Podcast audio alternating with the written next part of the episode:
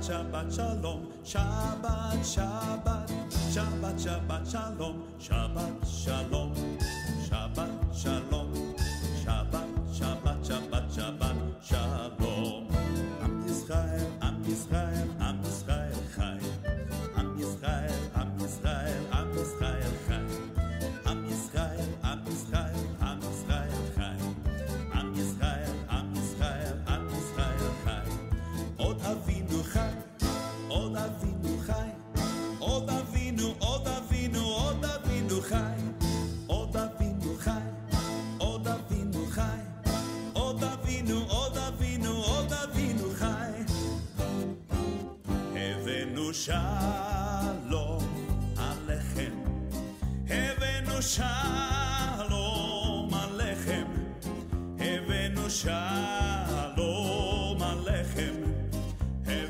הבאנו שלום, שלום, שלום עליכם, הבאנו שלום עליכם, הבאנו שלום עליכם, הבאנו שלום עליכם, הבאנו שלום, שלום, שלום עליכם.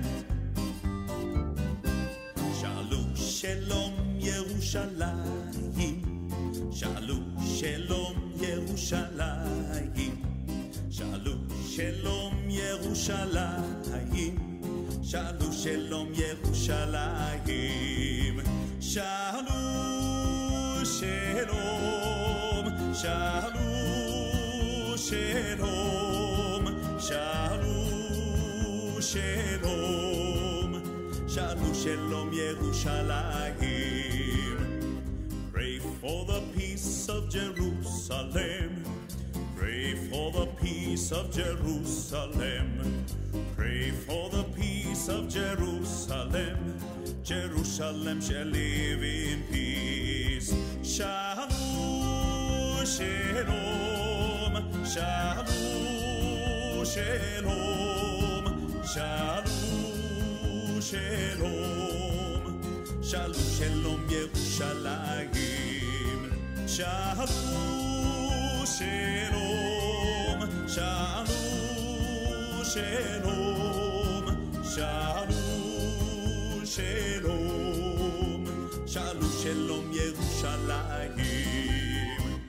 Shabbat shalom, Shabbat shalom, Shabbat, Shabbat, Shabbat, Shabbat shalom, Shabbat shalom, Shabbat shalom, Shalom.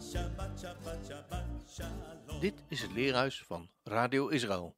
Met elke week de bespreking van een gedeelte uit de eerste vijf boeken, de Torah van de Bijbel.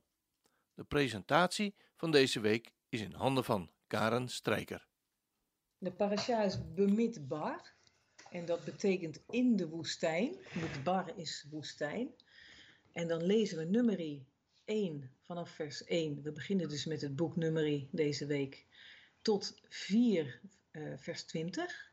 Uit de Haftara lezen we Hosea 1 vanaf vers 10 tot 2 vers 20.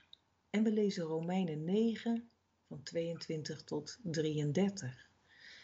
De Levieten komen in de plaats van de eerstgeborenen. Dat zien we in 2 vers 11 tot 13 staan. En geen onbevoegde mag in de buurt van de tabernakel komen, noch de priestertaak uitoefenen op straffen van de dood. En meermaals wordt dit door God benadrukt. Het is echt menend, zeker na de bakel van Nadav en Avihu, de zonen van Aharon, die vreemd vuur brachten voor het aangezicht van de Here. Het is eigenlijk bijzonder, als je kijkt naar de naam Nadav, zijn naam betekent het aanzetten tot een vrijwillige gave, tot een vrijwillig offer. Dus je zou hebben gedacht, het zou toch zo mooi zijn dat zijn naam ook dat betekent. En hij bracht dat dan ook. Alleen de manier waarop, dat mocht niet. Avihu overigens betekent, uh, Avi betekent mijn vader en Hu betekent hij, dus hij is mijn vader. En dat heeft dan te maken met God. Hun namen zijn zo mooi. Um, maar ja, waarom deden ze dat? Het zou heel goed kunnen dat ze dat offer brachten op het moment dat ze dronken waren. want heel opvallend vaardigt God direct daarna een wet uit op het gebruik van alcohol. In Leviticus 10, vers 9. Wijn en sterke drank zult gij niet drinken, gij nog uw zonen met u, als gij gaan zult in de tent der samenkomst, opdat gij niet sterft. Het is een eeuwige inzetting onder uw geslachten. Zij is, heeft veel meer gespeeld, blijkbaar. Nou, om de Levieten in de plaats te laten komen van allereerst geborenen van het volk Israël, moeten alle mannen boven de twintig geteld worden van de elf stammen. We hebben natuurlijk de Levitische stam al. Ehm, nou, deze mannen zullen in het legerdienst doen. En de Levieten die worden van de legerdienst vrijgesteld en doen dienst in en om de tabernakel. Bij het tellen blijkt dat 273 eerstgeborenen uit de elf stammen overblijven. Zij worden gelost voor vijf sikkelen per hoofd zien we in 3, 45 tot 48 staan. En dit geld wordt aan Aharon gegeven ten behoeve van de tempeldienst. En zo komt er een leviet in de plaats voor elke eerstgeborene uit het volk. Eh, hoofd voor hoofd, zonder dat er ook maar iets aan het toeval wordt overgelaten. Het is overigens ook heel mooi om te lezen hoe het volk mag opbreken van de ene plaats naar de andere. Dat gaat ook stam voor stam, van oost naar noord. Met precies in het midden staat dan de tabernakel. Die wordt opgebroken zodra oost en zuid zijn opgebroken. Zodoende is de tabernakel veilig tussen het volk in bij het moment van verder trekken. En alles loopt precies in de pas zodoende. Niemand loopt een ander in de weg. En de tabernakel staat alweer op zijn plek, op zijn nieuwe plek wanneer de laatste twee stammen West en Noord zich nog vestigen. Het is heel mooi om dat te lezen.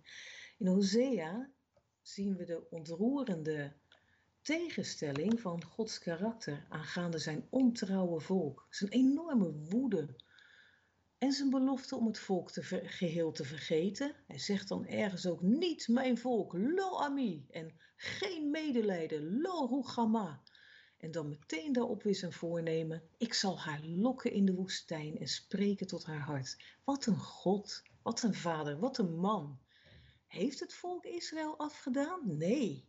Waarom niet? Om de dood eenvoudige reden dat God zelf hen toch weer niet vergeet. En wie werkelijk nog meent te denken dat het volk Israël wel heeft afgedaan, die heeft geen rekening gehouden met God zelf. Laat ons toch vooral niet te klein van hem denken. Daarom is het best raar dat de Nieuwe Testamentlezing hier alleen maar over een gedeelte van de Romeinen 9 gaat. Deze teksten zijn namelijk niet apart te lezen van hoofdstuk 10 en 11. Want als we bij Romeinen 9 blijven hangen, dan zouden we werkelijk denken dat het volk Israël heeft afgedaan. Maar het grotere plaatje moet in gedachten worden gehouden. Want de conclusie van Paulus is dat uiteindelijk het hele volk Israël behouden zal worden. Dat vinden we dan in 11 vers 26. God blijft dezelfde God. Het is link om bijbelteksten die bij elkaar horen uit elkaar te gaan trekken.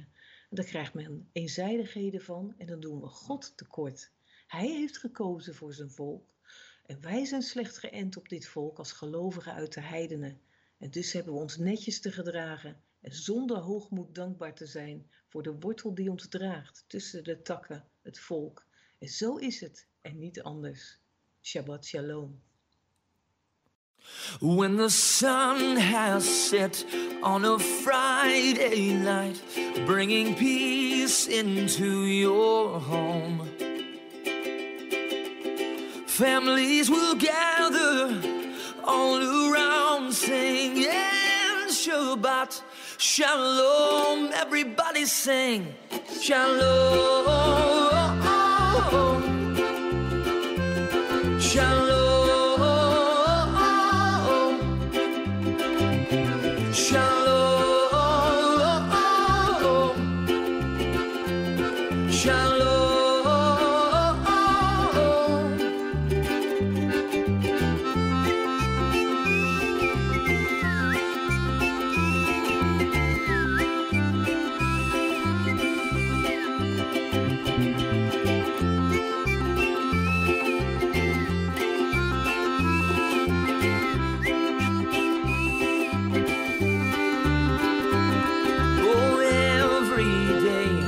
Is a gift from God to put a smile upon your face.